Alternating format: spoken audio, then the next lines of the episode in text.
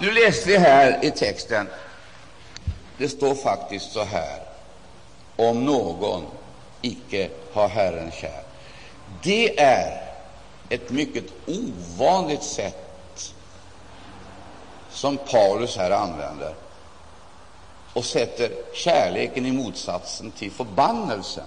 Mycket ovanligt. Och ändå också ser vi att just det här enorma budskapet och denna väldiga kungörelse som kommer fram i den, de här raderna, det är liksom själva ramen för hela, hela brevet. Det är ramen. Och dessutom så upptäcker vi ganska snart att det finns knappast en enda fråga eller ett enda tema eller en enda, ett enda problem som Paulus beskriver, definierar, eller en situation som han analyserar. Det finns icke ett enda tillfälle där han underlåter att påminna om att detta är motiverat, korrigeringarna, förändringarna, överlåtelsen, förnyelsen, med avseende på gåvorna, gåvornas bruk, med avseende på församlingens umgängesformer, beteenden, Eh, med avseende på församlingens offerliv, relationer. Du kan ta vad du vill som rör församlingen i tiden.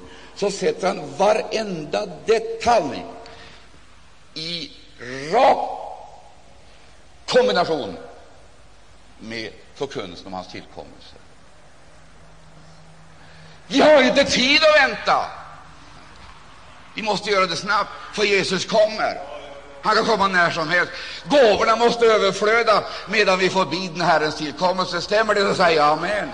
Vi har inte tid att vänta på bättre tider eller på väckelsetider. Vi måste göra det nu, för den enda tid vi förfogar över. Det är ingen av oss som sitter här som har garanti för morgondagen eller för nästa timme. Du har inget kontrakt för morgondagen. Det är ingen av oss som vet om vi överhuvudtaget kommer ut genom tältöppningen här. Det vill säga, det är ingen som vet att vi är kvar här i tiden då mötet är slut, eller skulle vara slut. En och annan har gått. Den enda tid du förfogar över och som Gud har gett dig, det är nu. Stämmer det, säger han.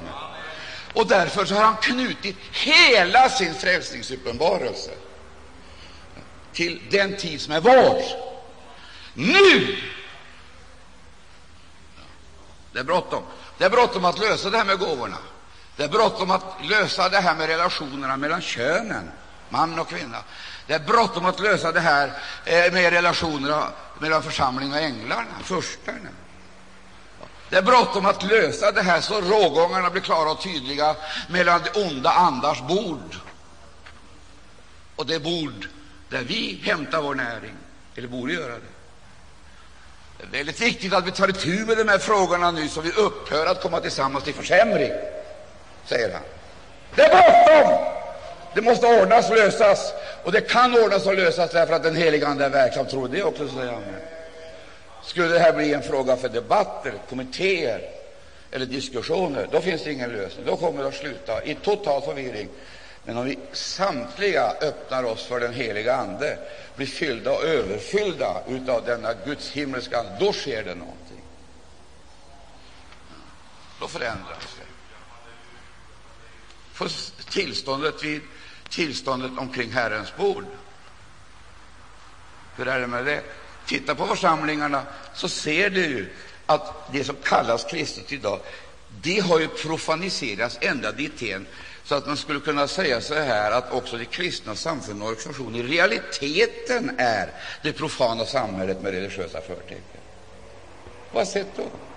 Ja, ska jag behöva räkna upp någonting? jag, tar, jag kan ta en sak som är dominerande dominant. Professionalismen. Va? Professional. Artisteriet.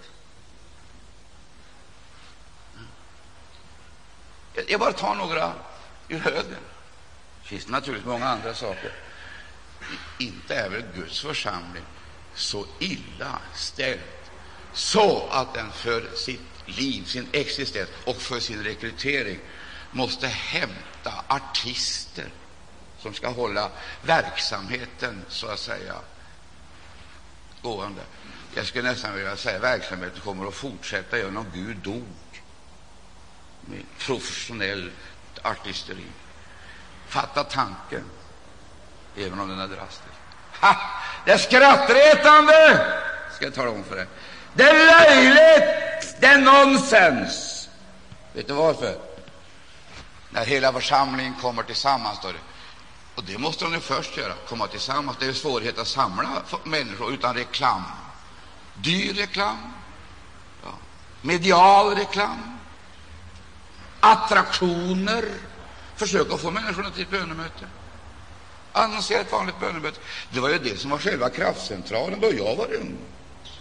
Nu är jag en gammal gubbe, men när jag var ung då samlades man till bönenätter i pingstförsamlingarna. Jag vet inte hur många nätter som jag har legat på knä i 500-salen i Philadelphia. Åtskilliga. Och det var nätter av kamp och vånda, därför att hela ungdomsproblematiken seglade upp också i en kristen själ. Det var inte små saker som man konfronterades med i sin brist på kunskap, men där lärde vi oss lösa problemen. Vi grät ut, ropade, anropade och fylldes med Guds heliga Ande. Ja. Idag så möter du ett släkte som inte vet vad ett andens dop är för någonting. De ska sjunga Sions sånger och, om andeutgjutelse. Och de har inte varit i närheten av en andeutgjutelse. Aldrig. De har aldrig någon gång läppjat ur denna källa. Aldrig, aldrig känt vittringen på Andens gåva, vet ingenting. Och de ska upp och sjunga. Och då måste det naturligtvis bli därefter. Vad ska de sjunga om? Vad ska de spela om? Ja, då får de bibehålla de gamla texterna eller förenkla dem eller reducera dem till eh, ingenting. Och så får man ge dem modern tondräkt så att det slår an.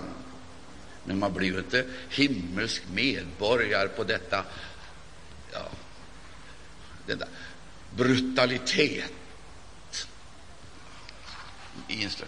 Jesus lever! Han är uppstånden. Och här har vi mönsterbilden för nytestamentligt församlingsliv och nytestamentligt gudstjänstliv. Och vad är det? När hela församlingen kommer tillsammans. Det är förutsättningen att man kommer tillsammans.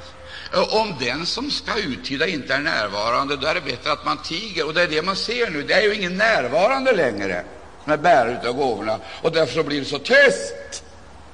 Det är ju så tyst. Och när gåvorna inte används, vad ska man då göra? Då måste man ju göra något, materialisera så att man står för dålig ersättning.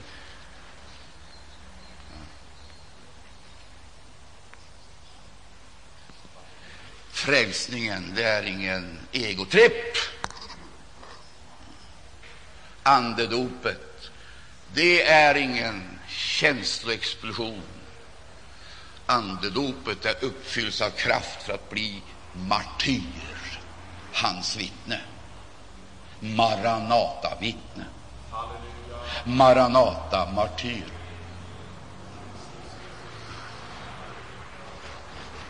Du, jag ska säga det här en gång till, därför att jag ska återkomma till budskapet eh, på förmiddagarna. Och så ska vi nu se upp så att vi inte begår samma misstag som vi vanligtvis brukar göra när Gud uppenbarar sig.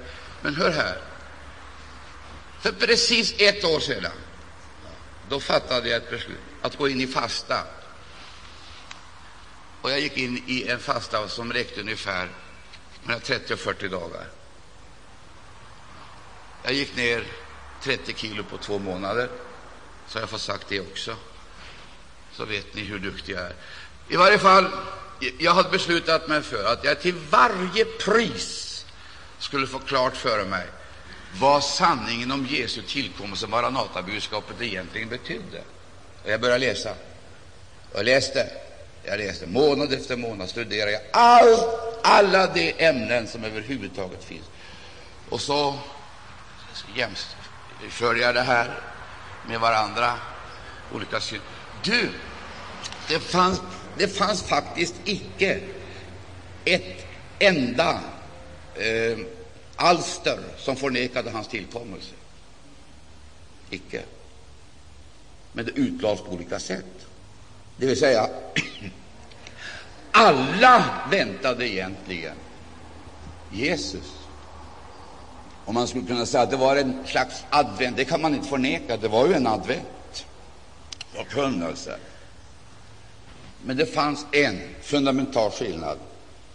Det var tidens för hans ankomst och avsikten med hans ankomst. ankomst.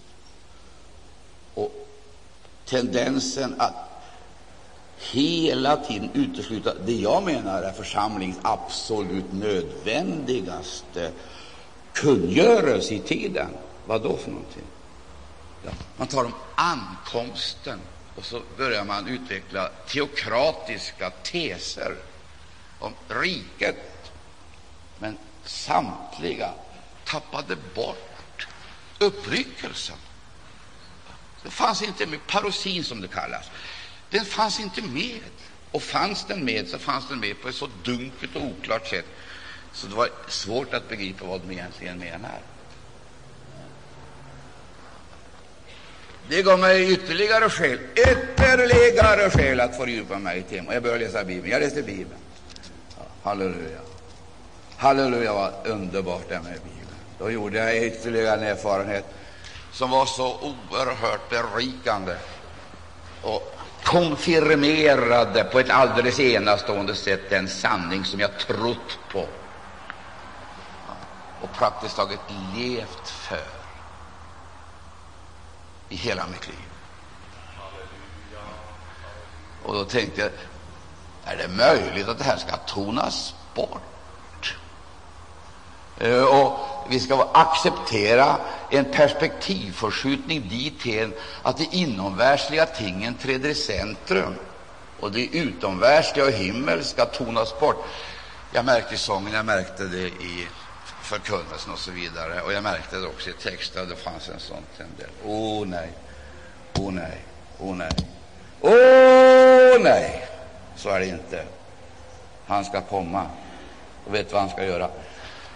Han ska komma för andra gången för att utan synd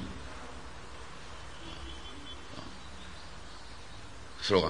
Han kommer inte för att bära bort vår synd, utan ses av dem som bida efter honom till frälsning. Smakar det gott? Det är en injektion, förstår du, för människor som upplever vemod och sorg. Det är tröstens budskap. Historiens största, märkligaste evakuering ligger strax framför. Jorden är fylld av flyktingar, människor som inte vet var de ska hamna någonstans. Så finns det en skara som är flyktingar i sitt eget hemland, i varje fall främlingar, världsfrånvända, men dock inte vadå? verklighetsfrämmande, realistiska människor. Man betraktar dem vanligtvis som idioter. Men det är ingen som fattar eller förstår.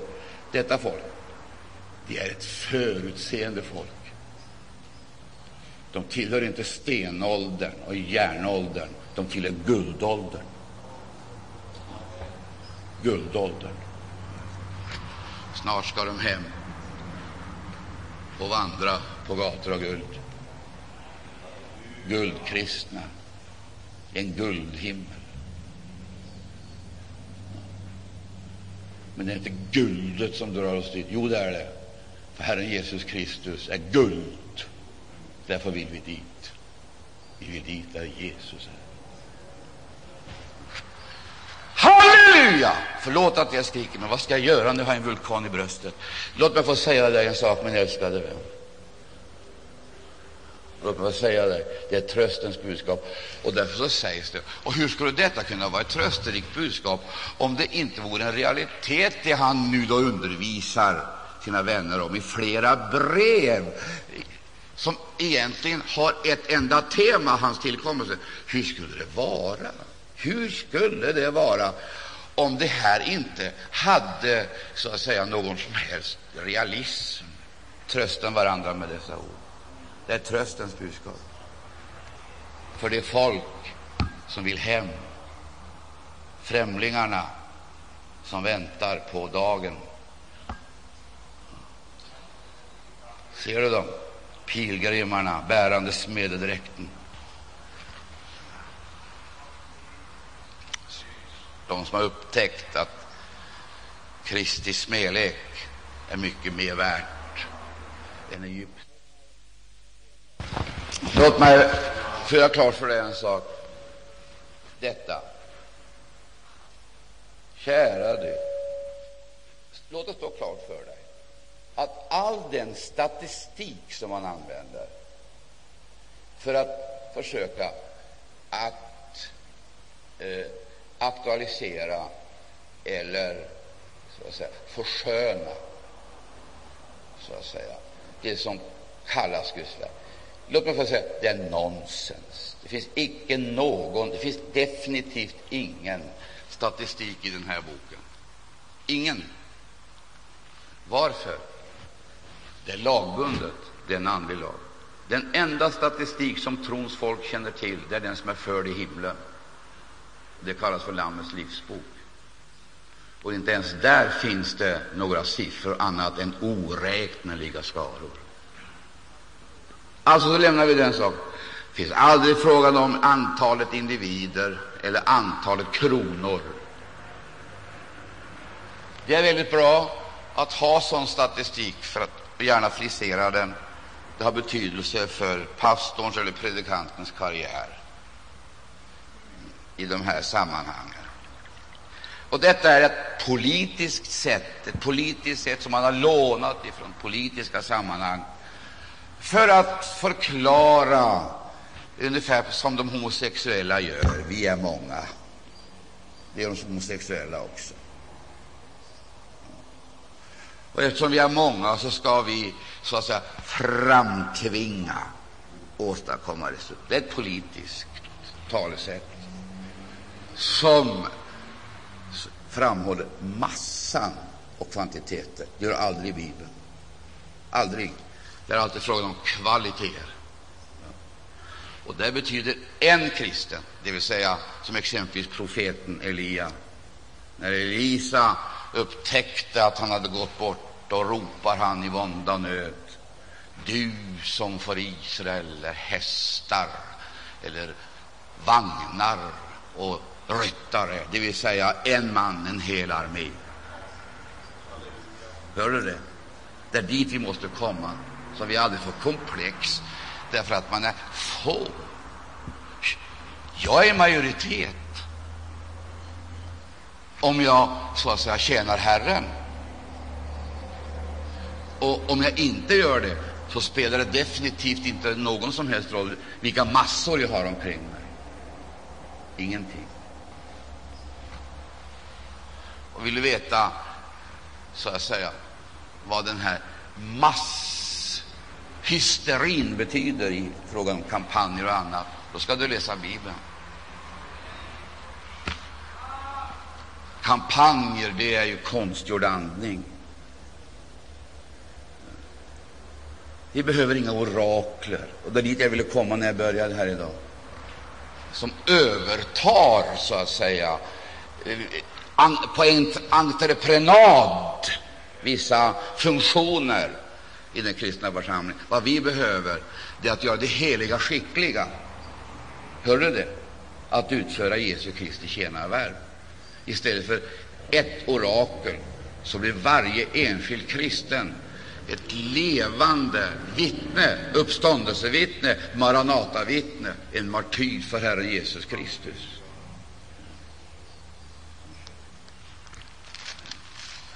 Min uppgift det är inte att fungera istället för er och ta betalt för det och leva bra på det. Min uppgift är att med dessa mina händer, dessa mina händer, skaffa nödtorftigt uppehälle åt mig och de som följer mig. Min uppgift det är att vara inne i ett slit dag och natt, säger aposteln Det är min uppgift. Varför? Ja, det finns ju flera förklaringar till detta, men en förklaring är ju varför är det så viktigt att vi så att säga strävar efter att bli en repris eller en kopia av den kyrklighet som är den största orsaken till det fördärv som vi nu ser sprida sig ut över hela jorden. Du kan själv tänka dig, jag tar bara ett enda exempel, då ett tusental, tiotusentals präster, så att säga, i 400 000 eh, mässoffer förklarar att eh, brödet förvandlats och blivit Jesu kropp, och så vidare, då måste du fatta vad detta innebär. Det är inte bara en form eller en tradition, det är en makt. Och denna makt skulle vara mycket begränsad, men det är den inte. För det är frågan, det är frågan om onda andars bord. Mm. Säg det idag. Nu är ekumeniken, den betraktas ju som något mycket värdefullt. Ekumeniken är en av det är en av de ting som indikerar Jesus snara tillkommelse lika som politiken är det. Jag säger det bara i förbigående. Vad vi måste göra klart för oss, det är att det finns en bok som skrivs där uppe, Lammets livsbok. Frågan är den, är du med där? Det är det det är frågan om. Och då skulle man ju kunna ställa frågan rakt på lever du? Lever du det nya livet? Många är det här som vill leva i förnyelse. Många är det här som vill uppleva detta nu och inte bli ett avskräckande exempel på ljumhet, likgiltighet, avfall. Du, i det här brevet som vi nyss har läst med varandra, där säger aposteln Petrus, och jag ska läsa det här till sist, han säger så här Därför kommer jag alltid att påminna eder om detta. Påminna. Hur ofta? Alltid. Predika ordet, träd upp i tid och otid. Står det så i din bibel också? Men varför håller vi oss då undan? Det är sällsynt att människor går till predikan. Det måste vara någonting annat på programmet, en annan attraktion. Det är ju inte frågan om evangelister, herdar, lärare, profeter och, och så vidare längre. Det är frågan om någonting helt annat. Eller är inte det? Musikstilen diskuterar man som om det skulle vara väldigt intressant. Det är nonsens. Musikstilen är inte ett dugg intressant. För att det stora och viktiga det är inte det att vi kan traktera instrument. Det viktiga är att vi är instrument. Hör du det? Om du kan traktera ett instrument, så lycka till. Men det är inte det viktiga. Och det finns definitivt ingenting som säger att det är nödvändigt för gudstjänstens skull. Du behöver varken gitarr eller blåsor, blåsinstrument. Ingenting behöver du. Ingenting. Men däremot du måste du ha ett hjärta som är fyllt av lovsång. Och så kan du sjunga och spela till Herrens ära i ditt hjärta. Där kan alla vara med. Den förmågan har alla de som är födda på nytt. För har du blivit född på nytt, då är du musikalisk i andlig mening. Och är du då är instrumentet stämt efter Golgata grundton, då är det stämt. Om strängarna rostar, så får du byta dem då. Byt, få nya strängar. Och hur ska det gå till? Hur ska det gå till? Åh, oh, halleluja! Det viktiga är ju inte att du kan bygga tempel. Det ser nästan så ut som det viktigaste som överhuvudtaget finns inom kristenheten.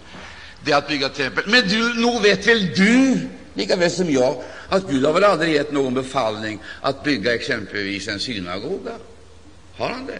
Jag vet inget exempel på det, möjligen i Gamla testamentet.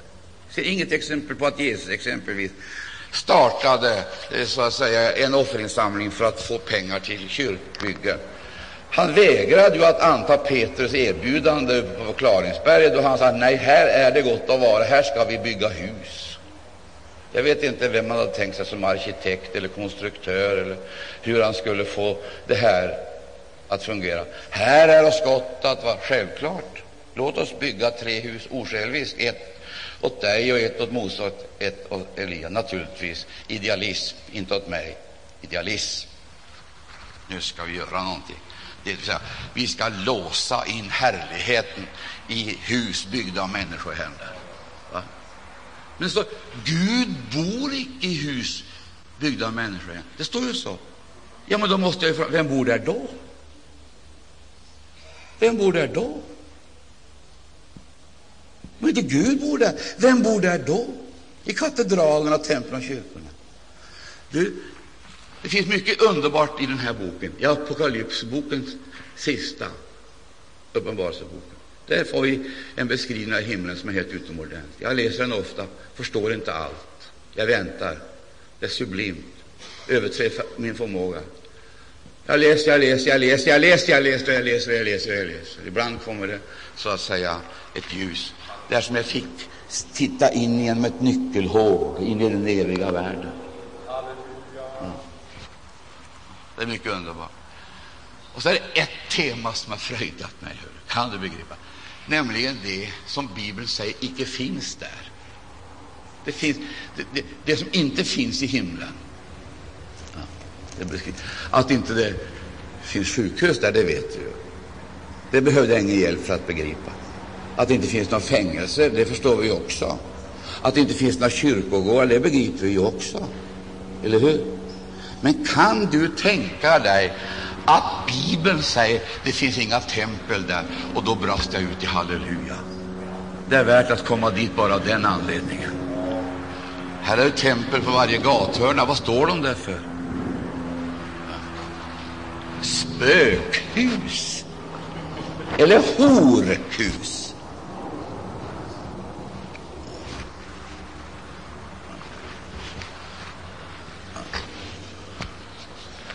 Jag förstår att ni vrider, men jag tänker inte låta bli att säga det, för det här är sanningen.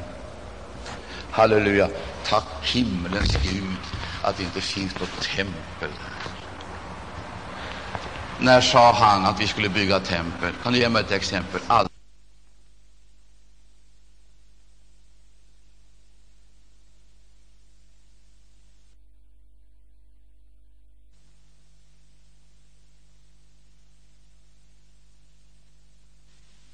att vi är tempel. Inte bygga, men vara. Inte prestera, men leva. Oh nej! Har du sett något redskap i Edens lustgård? Har du sett en hacka, en spade? Har du sett en hink? Har du sett det? Jag har inte sett något. Det finns ingenting där av detta. Varför inte? Det kan man fråga sig.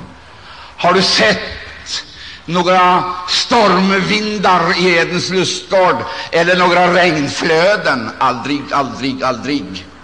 Men däremot så står det om fyra floder som gick ut ifrån Edens lustgård. Vad är det för någonting? Det fanns inget regn i Eden. Det fanns vad då för någonting? Vad var det som föll på bladen och gav bladen näring? Det var inga störtskurar. Vad var det? Vad tror du? Varför fanns det inga hackar, inga spader, inga verktyg och överhuvudtaget ingenting? Skulle de så? Skulle de sätta? Du, nej, skulle de inte. Därför att de skulle gestalta Gud vara hans like. Vad skulle de? De skulle bjuda. Han som sade, och det vart. Stämmer det? Han som bjöd, och det stod där. Guds vilja var inte att det skulle arbetas fram. Det är ett resultat av fallet. Guds vilja var att det skulle växa fram som ett resultat av det gudsliv de skulle fortplanta. Det vill säga, genom gudslikheten skulle de fortplanta Edens härlighet ut över hela jorden. Tror du på det? Och det är likadant med församlingen. Församlingen har inga verktyg och redskap i den meningen. Definitivt inte. Församlingen har inga instrument och några hus. Det hör fallet och en förfluten till, tid till. Nu är det en ny skapelse. Stämmer det? En ny skapelse. Och vi är nya skapelser som har blivit instrument. Och du, när Andens vind blåser genom dessa instrument och frambringar i de skönaste toner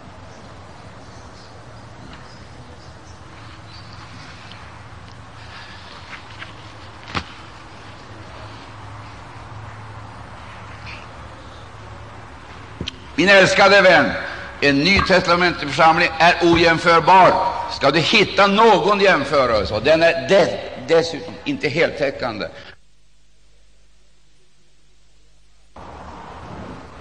Det finns ingenting som sargar. Det borde inte finnas där. Finns det där, så är det fel. Det är sjukt någonstans, och då måste det korrigeras. Men han har aldrig sagt bli, traktera instrument så du kan tjäna mig. Du tjänar inte honom på det sättet. Du kan göra det, men det är definitivt ingen som helst grundförutsättning. Grundförutsättning är att du blir ett instrument. Vill du bli det? Som spelar och sjunger till Herrens ära. Sedan, när denna församling kommer tillsammans, så blir den en hel orkester sammansatt av de mest olika instrument som sjunger så änglarna ackompanjerar och fängelserna dansar på sina grundvalar. Tror du på det också, så säger jag. Vet du vad det är här? Det är Nya testamentet, den nya tidsåldern, det är församlingen. Och när börjar fängelserna dansa? Det är när de gisslade, andesmorda martyrerna sjunger Herrens lov inte när de spelar gitarr eller slår trumma, inte ens när de klappar händerna. Jag har ingenting emot kantklappning. tror inte att jag håller på med det i snart 20-30 år. Men det är inte det avgörande, utan det avgörande är att bli uppfylld av den heliga Tror du det?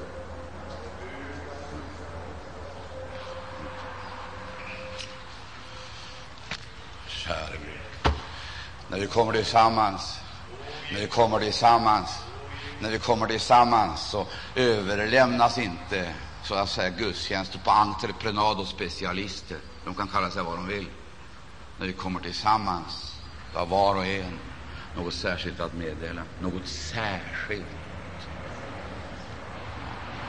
att meddela. Har du något särskilt att meddela? Någonting som har hänt, någonting du har varit med om?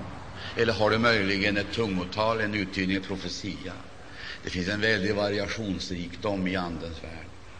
Varför, så blir, varför blir det så torftigt? Därför att vi är mer måna om att traktera instrument än att vara det. Vi är mera måna om att vårda våra tempel av betong eller annat material med alla dess symboler. Bara detta att man sätter korset utanför. Så att säga, det här är en helgedom. Vilket dravel! Helgedom. Gå in och titta får du se. Där finns faktiskt taget det jag skulle vilja kalla för eh, den elit som har varit kristendomens största fiende under historiens gång. Därför har kristendomen fått sin största och värsta fiende på sitt eget territorium. Vad tror du Bibeln menar då den talar om det stora avfallet? Det är väl inte socialisterna som faller av, eller kapitalisterna som faller av. Det vill säga, det är väl inte ideologierna det handlar om. Det är väl trons folk, eller hur? Man kan ju aldrig falla ifrån någonting som man aldrig har ägt.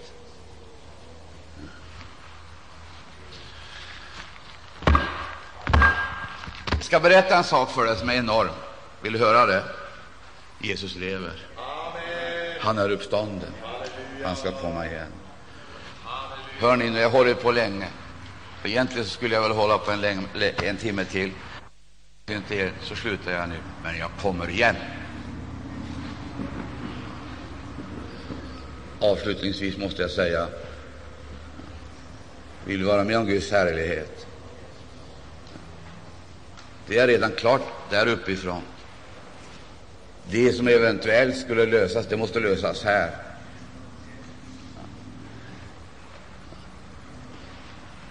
För att bli ett nedslagsområde för den heliga Ande så är det frågan om avskildhet och överlåtelse. Låt oss glömma bad, nöjen, underhållning, trollerier, magier, besvärjelser, allt som finns i den religiösa repertoaren i vår tid. Låt oss glömma det och centrera oss omkring det väsentliga, Herren Jesus Kristus. Inte symbolerna, inte förebilderna, men verkligheten själv. Om vi gör det, då kommer floden att stiga och det blir genomslag, andligt genomslag. Det är vi som förbereder det. Det är klart ifrån himlasidan. Jag vill bara påminna om nödvändigheten av att ta emot, kanalisera ut, förkroppsliga och synliggöra Herren Jesus Kristus. Och allt folket sade Amen.